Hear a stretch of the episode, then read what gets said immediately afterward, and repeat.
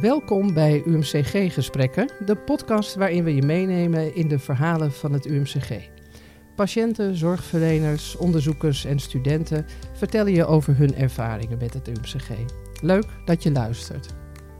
Ik ben Margriet Bos. En ik ben Alice Hoogstra en bij ons te gast zijn Henriette Hoving en Monika Slachter. Welkom allebei. Dankjewel. Dankjewel. Monika, we gaan het vandaag hebben over een uh, onderwerp waar best veel mensen uh, moeite mee hebben. Althans, het moeilijk vinden om daarover te praten. Jij bent opgegroeid met een moeder met depressieve klachten. Wanneer merkte jij voor het eerst dat er iets met je moeder aan de hand was? Nou, dat was best wel vrij abrupt. Het heeft vast veel langer van tevoren al wel gespeeld. Maar op het moment dat het voor mij zichtbaar was, toen was ik 15 nou, als ik, als, ik, hè, als ik dan vertel hoe het in mijn hoofd was, kwam ik thuis van het sporten en stond er een man in huis die kwam vertellen: we nemen je moeder mee. Dus het was eigenlijk van de een op de andere dag niks aan de hand. We nemen er mee naar het UCP en we nemen er op. Dus dat was best wel heel direct. Ja, en enorm schrikken lijkt mij. Want je zegt een man, een vreemd iemand, je komt thuis. Dat is dan, ja, wat jij zegt, als donderslag bij heldere hemel. Hoe ging dat verder? Uh, nou, dat was best wel. Uh, ik kan het gevoel niet zo goed meer oproepen. Als ik er nou een woord op moet plakken, zou ik denk ik boos zeggen. Dus ik ben, weg, ja, ik ben weggelopen op dat moment. Ik heb, ik heb toen echt wel tijd nodig gehad om eventjes na te denken of zo. Om tot rust te komen weer in mijn eigen hoofd. Ja. En toen ben je weer uh, naar huis gegaan of uit je slaapkamer gekomen. Ik ben uiteindelijk weer naar huis gegaan. Alleen dat is, uh, het was heel druk met heel veel mensen. Buiten het feit dat daar een professional was om mijn moeder mee te nemen, was mijn vader daar, mijn zusje daar, maar ook heel veel mensen uit de omgeving, kennissen, vrienden. Iedereen die wat van me wilde, zo voelde dat ook.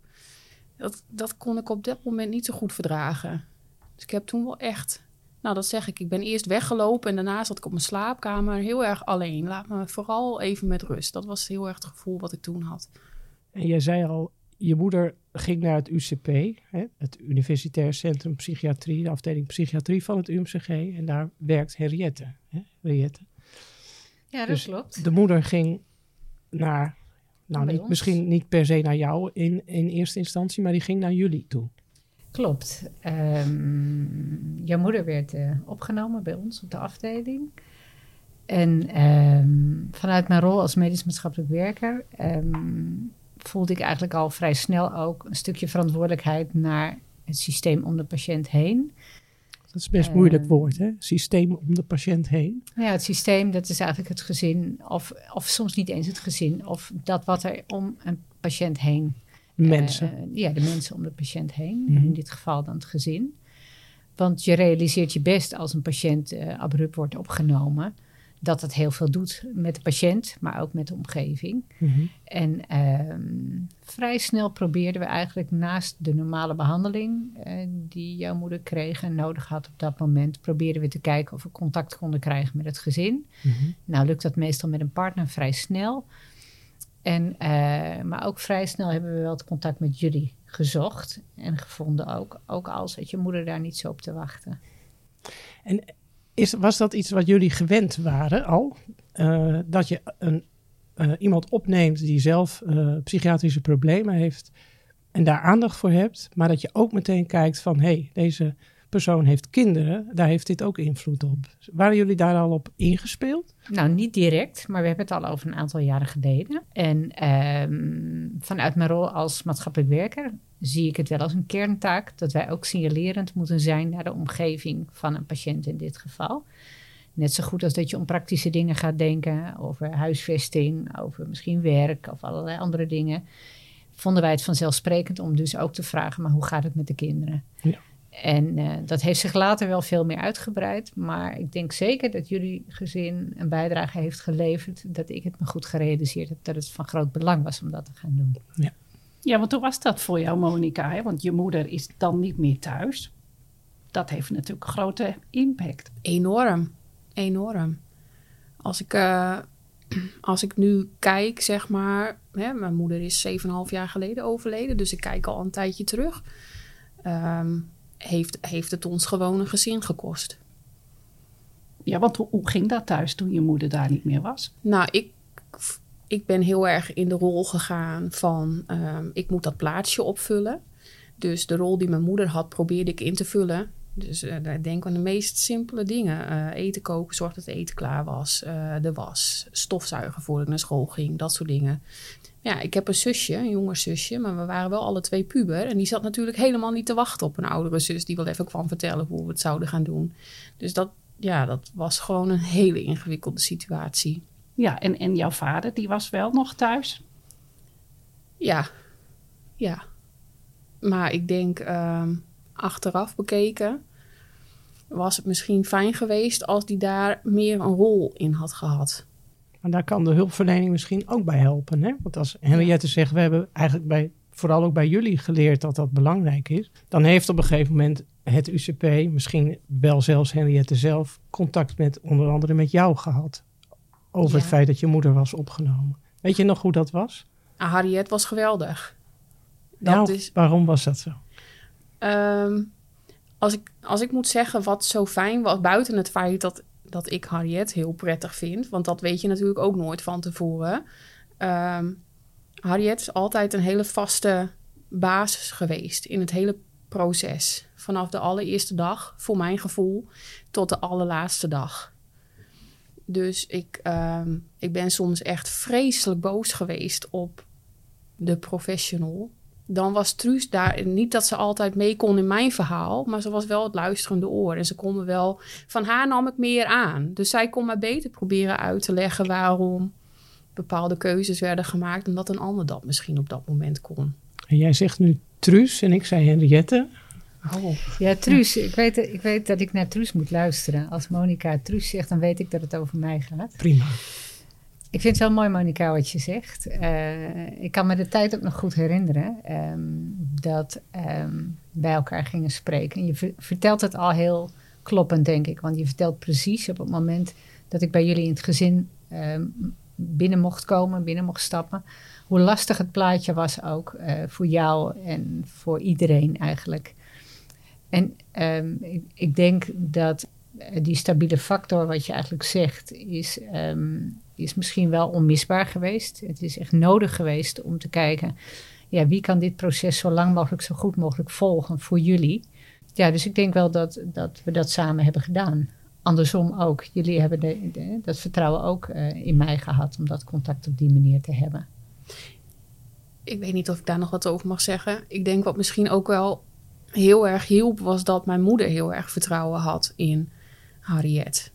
Ze was eigenlijk een hulpverlener voor, nou ja, je zei net, het systeem is het gezin. Dat was heel belangrijk dat Henriette voor, de, voor je moeder was en voor jullie. Nou ja, ik denk als ik nu, en dat zeg ik nu, hè, 7,5 jaar later. ehm, ik heb mijn moeder nooit gezien, of misschien beter gezegd, wilde mijn moeder nooit zien als een patiënt. Mijn moeder was mijn moeder. Dus ik vond het belachelijk als iemand tegen mij zei: ehm, nee, ze mag niet mee. Als mijn, en ik zat heel erg in dat kampje met mijn moeder. Dus als mijn moeder het niet zo had op iemand, dan had ik dat automatisch ook al niet. Niet helemaal eerlijk. Dat snap ik achteraf bekeken ook wel. Maar dat was wel hoe het werkte. Wij waren heel erg een twee-eenheid geworden tegen, nou ja, de rest van de wereld. En de hulpverlener, zei je net. Nou ja. Ja. ja. want die maakte natuurlijk... Ik snap nu beter... ehm, praktisch voorbeeld dat ik op een gegeven moment mijn met mijn moeder de stad in wilde en dat het niet mocht. We kregen een nee, ze mocht niet mee. Daar snapte ik niks van. Ik dacht, dat is mijn moeder. Ik heb ook nooit geloofd dat als ik met mijn moeder de stad in zou gaan, dat ze bij me zou weglopen en iets engs of iets vreselijks zou doen. Geloof ik toen niet. Geloofde ik, geloof ik eigenlijk nu nog steeds niet.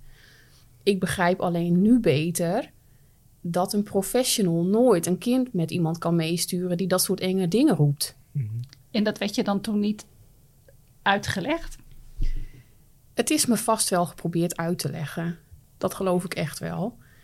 Alleen dat, dat werkt zo niet in je hoofd. En als Henriette het uitlegde, dan... Nou, ik was het ook niet altijd eens met Truus. Dan was ik soms ook nog wel eens boos. Ja. Alleen daar nam ik meer van aan. Ik denk dat je misschien vooral, jij noemt het boos, maar ik denk dat je het vooral moeilijk had met alle omstandigheden. En dat lijkt misschien een boos zijn, maar de omstandigheden waren zo moeilijk te bevatten en te begrijpen, dat ik me kan voorstellen dat het lijkt op boos zijn, maar ik denk dat je het vooral moeilijk had.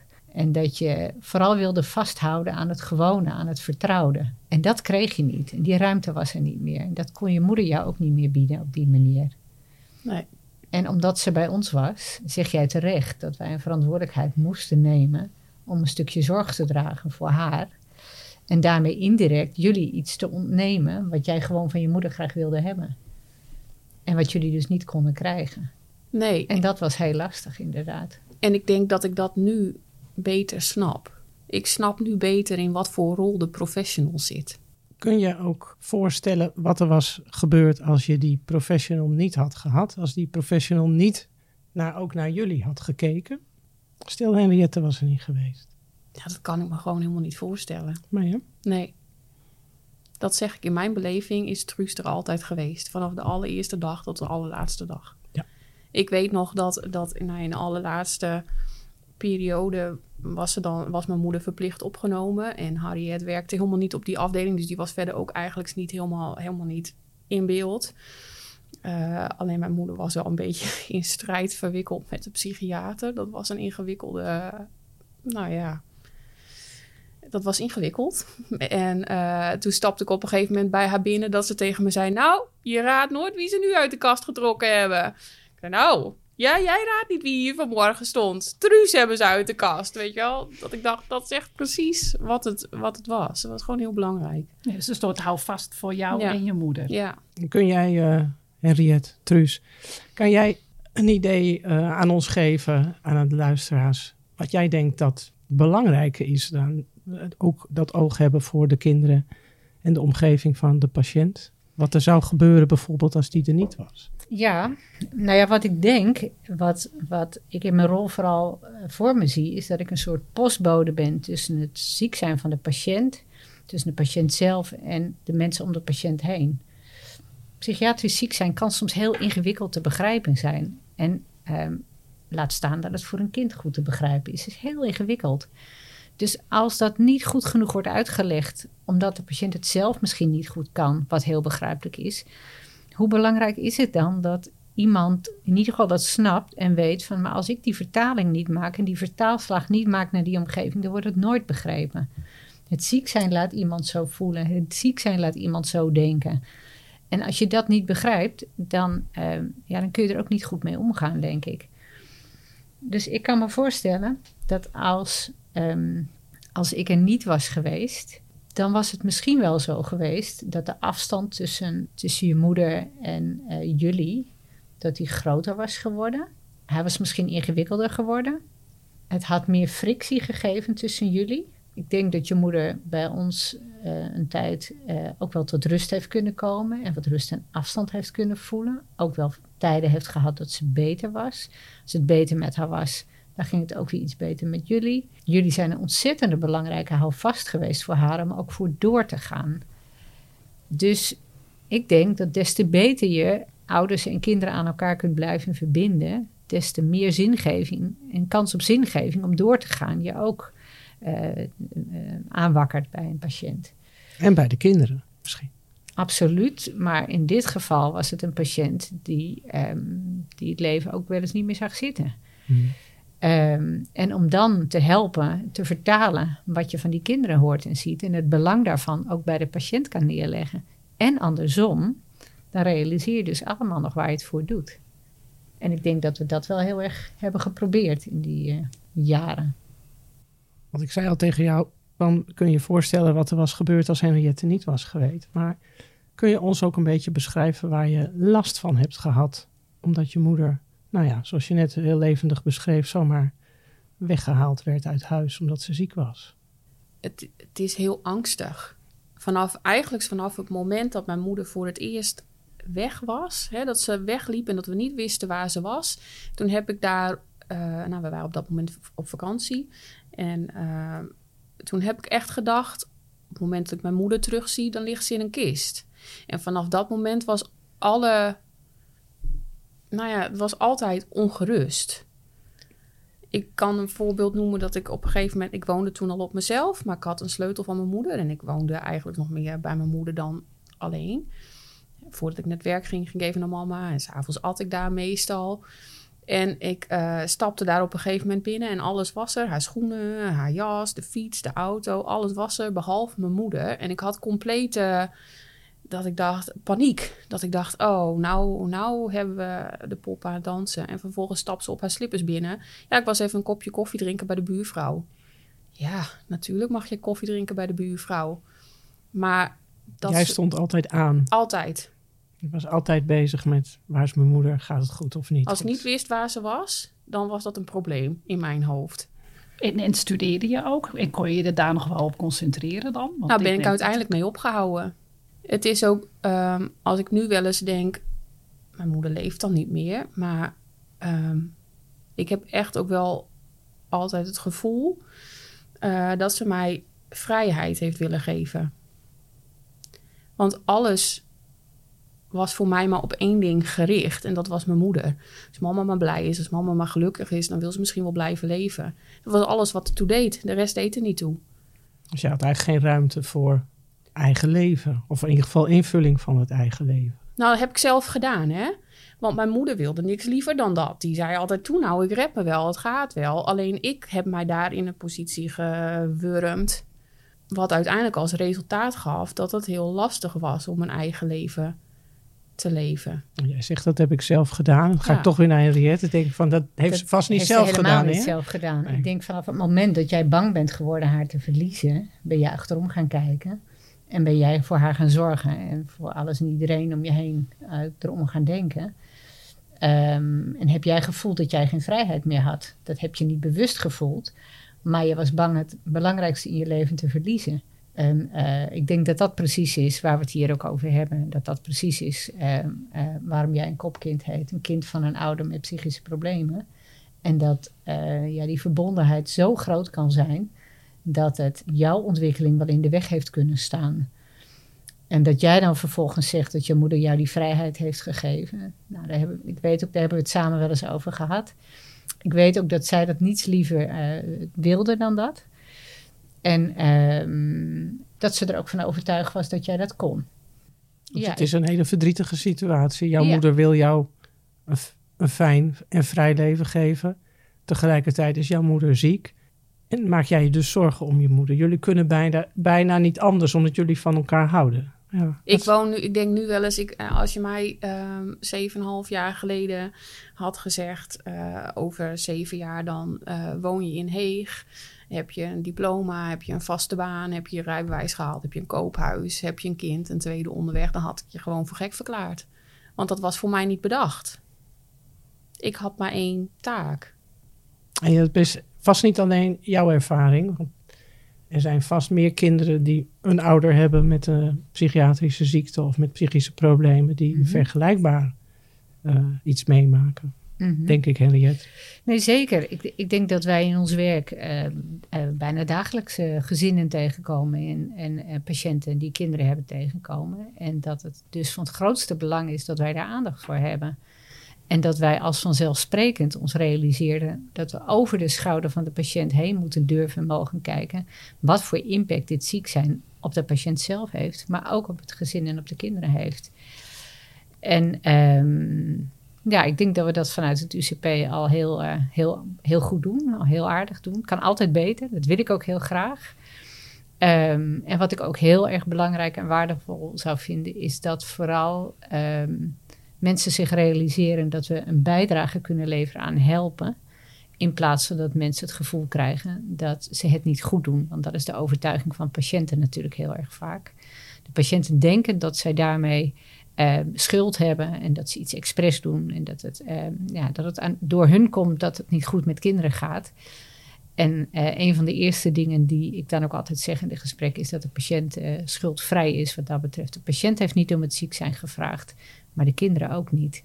En hoe ga je dan samen zo goed mogelijk verder om ja, om alles en iedereen bij elkaar te houden en het zo goed mogelijk bespreekbaar te krijgen en te maken. Ja, dat is om heel dichtbij te gaan staan, elkaar vaak te zien en te spreken, laagdrempelig uh, in contact te zijn, uh, proberen uh, ja, te blijven verbinden, contact te houden, uit te leggen aan elkaar wat er speelt. En Monika, je vertelt net, hè, je hebt nou een gezin en een baan. Hoe gaat het nu met je? ja, goed. Ik denk dat ik heel erg gelukkig mag zijn met hoe ik er... ehm, hoe ik daardoor gerold ben en hoe ik mijn leven nu mag leiden. Dus ik hoop ook heel erg, dat is eigenlijk, als je mij dan vraagt waarom ehm, zou je hier gaan zitten, dan is ook gewoon, ik hoop gewoon als ook maar voor één kind een klein beetje herkenning kunnen geven of zo. Mijn ervaring was heel erg dat mensen heel snel wat vinden van keuzes die je maakt. Ik weet nog wel dat op een gegeven moment, we hadden een vakantie geboekt. Maar ja, dat werd natuurlijk ingewikkeld, want mijn moeder zat in het UCP. Uh, dat wij als gezin daar met z'n allen over gesproken hebben. En als gezin de keuze hadden gemaakt: we gaan weer terug en we maken die vakantie af. Daar is heel veel van gevonden. Door mensen. Die niet precies weten waar ze over praten, wellicht. Nou ja, en mensen om ons heen die dan. Die, nou ja, die dat misschien niet begrepen. Maar ja, je moeder zit in het ziekenhuis. Heb je tips voor mensen? Nou, ik heb op dat soort momenten het best wel als een veroordeling gevoeld dat heeft dan heel erg gemaakt dat ik, dat, ik, um, dat ik ook dacht: oh, ik had toch een andere keuze moeten maken. Terwijl dat eigenlijk onzin is, natuurlijk. Want wij hadden dat met z'n vieren als gezin um, besproken. En iedereen was het daarover eens. Dat was een goede keuze die wij als gezin maakten. Dat ik dan denk: veroordeel het niet te snel. Misschien moeten mensen eerst iets vragen in plaats van een oordeel uh, ja. hebben. Ja. En dat is natuurlijk best lastig, denk ik, om, om iets te vragen. Ja, want veel mensen vinden dit toch best een lastig gespreksonderwerp. Heb jij daar tips voor, Henriette? Wat, wat kun je doen als je vermoedt dat een kind uh, het moeilijk heeft omdat uh, een van de ouders psychische problemen heeft? Ja, ik, ik gun ieder gezin waar psychische problemen um, uh, als aandoening aanwezig is, gun ik eigenlijk dat er um, om het gezin heen een zodanig steunsysteem is dat er mensen zijn die, zonder dat er te veel gevraagd hoeft te worden, een bijdrage kunnen en willen leveren. Ik had het Monica gegund dat zij niet zo had hoeven koken en wassen en stofzuigen. En dat het op een andere manier wat was opgepakt. Dan moet dat nog allemaal maar kunnen. En dan moet je ook maar die ruimte daarvoor hebben en maken met elkaar. Um, en je kan, best, je kan best een beetje doen hè, als kind, dat is het niet. Maar als het te lang en te structureel wordt, dan hoop ik echt dat er een steunsysteem om de patiënt heen aangewakkerd wordt. En een steunsysteem zeggen, is er bijvoorbeeld dat uh, nou, een vriendinnetje buren. op school, een buurvrouw, een buurman ja, zegt: uh, We hebben wel eten, we doen gewoon voor twee keer. Bijvoorbeeld. Of dat er ook iemand gewoon eens even had gevraagd: Maar hoe gaat het met jou? En hoe gaat het met de kinderen? En wat naar wat er allemaal aan de hand is, kan ik iets voor je doen? En vooral het aanbod, kan ik iets voor je doen? Uh, maar er hangt nog altijd wel om ingewikkeld psychiatrisch ziek zijn. En zeker ook als het echt, echt naar is, waarbij patiënten gewoon moeilijk te lezen en moeilijk begrijpbaar uh, uh, iets laten zien, gedrag laten zien. Dan hoop je eigenlijk dat er meer begrip is. Dus dat mensen inderdaad, wat jij ook zegt, Monica, niet het veroordelen. Uh, want meestal, als je het beter begrijpt, dan is er veel meer ruimte. Dus je wilt graag dat mensen het beter begrijpen. En heb je nu, uh, je, nou, wat je net zo mooi hebt verteld, uh, hoe, je, hoe je nu leeft en hoe je nu bent, heb je nu ook het gevoel dat je er gewoon over kunt praten? Ja, waarschijnlijk wel, want je doet ook mee aan deze podcast. Maar... Ja, ik denk um, dat dat misschien mijn geluk ook wel is. Ik ben eigenlijk altijd heel open over geweest. Um, ik verhuisde natuurlijk uh, nou, ruim 70 kilometer verderop. Dus ik moest daar een heel nieuw uh, bestaan gaan opbouwen. En dan krijg je natuurlijk op een gegeven moment vragen. Hè? Vader, moeder, uh, mm. broertjes, zusjes. Ik heb altijd gewoon gelijk alles op tafel gegooid. Dit is het verhaal. Als je wat wil weten, vraag het gerust. Wil je het niet, ook prima. Maar dat maakt dat het voor mij nooit een geheim is geweest. Misschien ook wel wat helpt, um, is dat ik mijn moeder nooit wat kwalijk heb genomen. Ik hou heel veel van mijn moeder, nog steeds. Um, dus ik ben ook niet boos op haar. Het is alleen wel mijn verhaal. Mhm. En uh, dus ik gooi dat dan op tafel. En wat iemand daar dan mee wil, ja, dat moet, dat is dan aan hen. Maar ik denk dat dat, dat, dat, ja, ik denk dat dat het is. Het is voor mij nooit een geheim geweest. En dat is heel helpend, denk ik. Dus aan de ene kant vragen, kan de omgeving vragen: Goh, hoe gaat het? Kunnen we iets doen? En aan de andere kant is het in ieder geval fijn voor jou dat jij er open over kan praten. Nou, als iets een geheim is, dan moet je natuurlijk heel moeilijk gaan doen om dat uh, bij je te houden. Maar dat kun je op een gegeven moment niet meer uitleggen. Ja, kun je misschien maar is het dan dragen. zo, Monika, dat je doordat je het goed bent gaan begrijpen, je bent het ziek zijn van je moeder goed gaan begrijpen, maakt ook dat je eh, je realiseert dat zij geen schuld had. En is dat dan ook niet de belangrijkste reden waarom je durft te zeggen: ja, het is gegaan zoals het is gegaan. En ik uh, veroordeel haar niet daarom. En is dat dan ook niet de reden waarom je er misschien zo open over zou kunnen zijn? En is dat ook de tip eigenlijk? Ja, misschien wel, maar ook op het moment dat ze ziek was en het moment dat ze overleed, heb ik nooit boosheid gevoeld. Dus ik ben nooit boos geweest op haar. Nee. Wel op heel veel andere dingen om ons heen. Meer op de situatie dan? Ja, ik denk dat je dat wel goed zegt. Dat ik meer boos was op de situatie. Op mijn moeder ben ik echt nooit boos geweest. Het is alleen wel dat de tijd, inderdaad, dat is waar, heeft mij beter doen begrijpen wat het, eh, nou ja, het ziek zijn van mijn moeder. Uh, begrijpen waarom professionals dingen besluiten. Maakt dat ik er anders op terugkijk. Waar ik toen, ja, dat is toch het enige woord wat ik dan kan bedenken, boos was, ben ik dat nu minder of niet? Iedereen die nu een ouder heeft die bij het UCP eh, komt, die kan erop rekenen dat er ook aandacht is voor hem of haar. Nou, um, uh, ja, eigenlijk wel. Er, zijn, um, er worden avonden aangeboden. Er wordt altijd uh, door behandelaren eigenlijk wel gevraagd of er kinderen zijn, of er behoefte is aan psycho-educatie, uitleg over het ziek zijn. Iedere behandelaar die kan bijvoorbeeld een collega van mij inschakelen of die kan mij inschakelen om misschien wat verdergaand wat meer uitleg te geven nog in een gezin. Um, en zo nodig misschien wat langer met een gezin mee te lopen om te kijken wat er nodig is. En als het eventueel uh, aankomt op zorgen en bezorgdheid om hoe het met kinderen gaat in een gezin, kan je altijd nog kijken of er naast het UCP misschien wat meer kindgerichte hulp geboden zou kunnen worden. Dat denk ik wel. In ieder geval, Monika, heb ik gehoord dat jij een hele grote bijdrage hebt geleverd aan de zorg zoals die nu wordt gegeven in het UCP. Als je mij zou vragen wat zou je iedereen gunnen, dan zou ik zeggen: gun iedereen een truus. Iemand die met je meeloopt tijdens het proces. Heel veel poppetjes wisselen. Daar nooit hetzelfde. En dan moet je dan maar weer vertrouwen in hebben. En als je iemand hebt met wie, in wie je vertrouwen hebt, laat die alsjeblieft bij de kinderen blijven. Ja. Ja. Dank jullie wel voor het verhaal. Alsjeblieft. Dank je. Dit was de vierde aflevering van UMCG Gesprekken. Dank jullie wel voor het luisteren. Ben je nou nieuwsgierig naar onze volgende podcast? Houd dan het nieuws.umcg.nl en onze social media in de gaten. En wat ik me kan voorstellen is dat je meer wil weten over dit onderwerp. Kijk dan ook op www.umcg.nl. Daar vind je meer.